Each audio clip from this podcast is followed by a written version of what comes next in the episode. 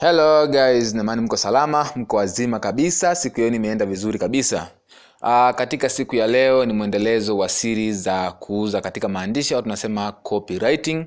Na leo ikiwa ni siri yetu ya tano okay? Siri yetu ya tano uh, ambayo tunaenda kuiangalia ambayo itakufanya wewe uweze kuuza katika matangazo yako. Haijalishi ni matangazo katika sehemu gani nje ama ndani ya mtandao as long as umeandika tangazo lako katika maandishi basi hakikisha siri hizi unazijua vizuri ili uweze kujiongezea uwezo wa kuuza bidhaa ama huduma yako. Leo ni siri ya tano. Siri hii ya tano inaitwa inaitwa eh, layout principle. Siri hii ya tano inaitwa layout principle. Nitaelezea maana yake nini na nini ukifanya ili uweze kuitumia kanuni hii ya tano au siri hii ya tano inayoitwa layout principle layout principle. Principle maana yake ni kanuni. Ni kanuni ambayo lazima uifate pindi unapoandika tangazo lako aidha ni nje ndani ya mtandao. Iko hivi.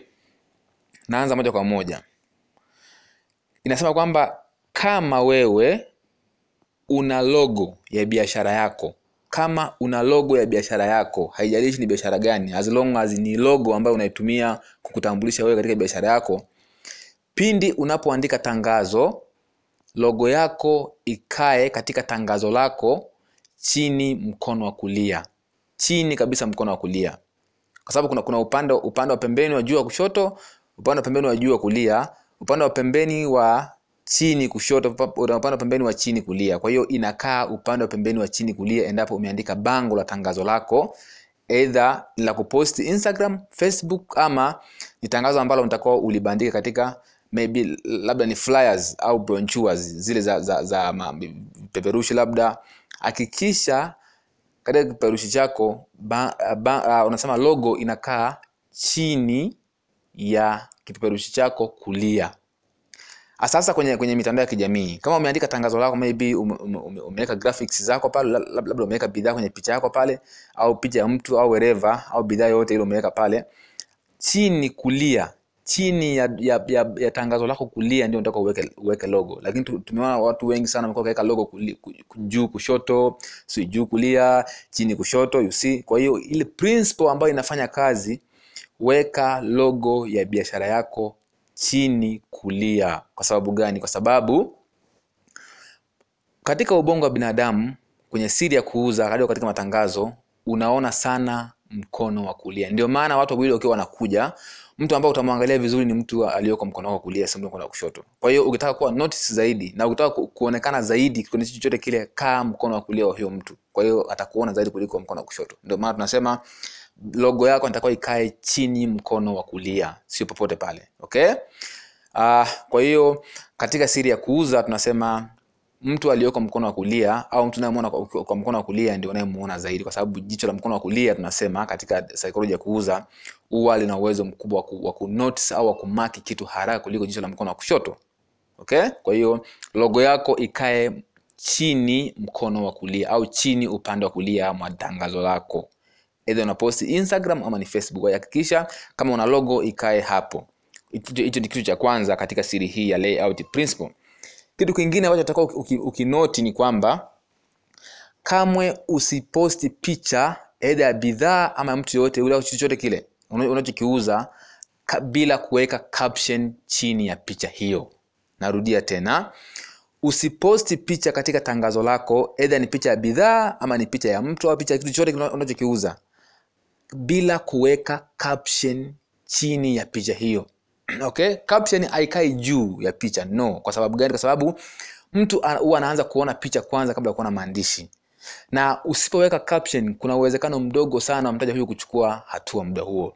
Kwa hiyo picha ambayo haina caption haiuzi kuliko picha ambayo ina caption. Okay? Mbinu hii iligunduliwa na mtu mmoja anaitwa Ogilvy. Ogilvy wanamuita father of advertising, yani kana, kama baba wa matangazo, yani mtu ambaye katika dunia ya karne zilizopita alikuwa ni mtu mwenye uwezo mkubwa wa kuandika matangazo kuliko mtu yoyote katika magazeti na katika kitu chochote kile. Kwa hiyo ni mbinu hii aliigundua na ikawa proved na imefanya kazi kwa asilimia mia moja. Wali, wali, walikuwa wanarani matangazo ya kampuni mbili tofauti. Kampuni moja ikaweka ika, ika, picha tu akiweka caption nyingine ikaweka caption. Picha ile ile lakini yenye caption iliuza zaidi zaidi ya asilimia tisini na nane kuliko ile ambayo haina caption ambayo ilikuwa na asilimia thelathini na moja. Kwa hiyo kumbe caption ina mata sana. Tunasema wanasema watu wengi huwa wanasoma caption kuliko kuangalia picha tupu. Okay? Yaani watu huwa wanasoma caption zaidi kuliko kuangalia picha. Kwa hiyo caption hiyo inatakiwa sasa iwe ni kitu fulani ambacho kinamvutia mteja kuchukua maamuzi au kitu fulani ambacho kinauza bidhaa au huduma yao kwa mfano labda kama labda umeweka bidhaa ambayo inapunguza uzito kwenye caption unaweza kaweka punguza uzito ndani ya siku kadhaa bila bila kujinyima kula okay? Yani caption ambayo inavuta interest ya mteja caption ambayo inavuta mteja kuchukua maamuzi au caption ambayo inauza bidhaa yako. Okay? Au labda punguzo la asilimia kumi ndani ndani ya siku tatu. Okay? Yani caption ambayo itamfanya mteja achukue maamuzi muda huo. Usiweke picha tupu alafu kaandika maandishi labda labda kwenye kwenye nani chini chini kabisa huku hapana. Weka maandishi kwenye kwenye picha ambayo labda kama ni bango weka maandishi chini ya picha hiyo. Sio juu ya picha no chini ya picha hiyo unataka uweke maandishi yanayoonesha message ambayo itamfanya mteja achukue maamuzi juu ya kununua bidhaa ama huduma yako au message ambayo inauza bidhaa yako. Unatakiwa uiandike pale chini ya picha yako. Watu wanaenda kunotice picha kwanza kabla ya kuona maandishi. Na ukiweka picha tupu bila kuweka caption kuna uwezekano mdogo sana mtu kuchukua hatua ya kununua bidhaa ama huduma yako. Na lazima maandishi yako yao yanaonekana okay? Kwa hiyo mbinu hii inaitwa layout principle. Ni siri ya tano katika copywriting na ni muhimu sana.